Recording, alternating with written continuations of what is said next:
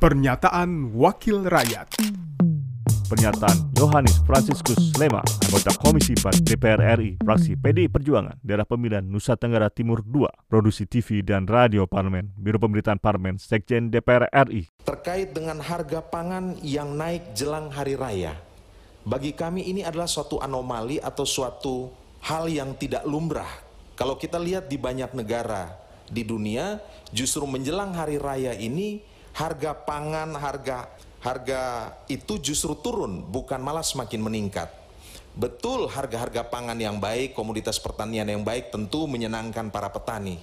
Tetapi juga kita perlu mencari titik keseimbangan kepentingan petani sebagai produsen dan juga kepentingan masyarakat lainnya dalam hal ini sebagai konsumen.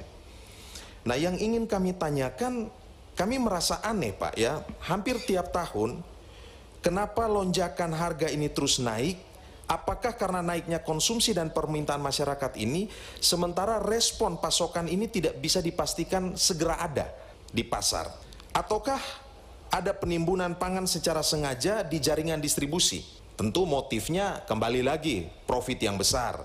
Atau apa sumbatan distribusi akibat putusnya konektivitas antar daerah ini Pak? Nah ini perlu dicari jalan keluarnya Pak sehingga mungkin tahun-tahun berikutnya hari ini dan tahun-tahun berikutnya masalah ini bisa segera diselesaikan.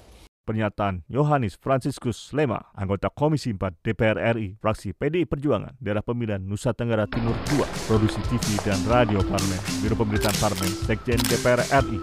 Pernyataan Wakil Rakyat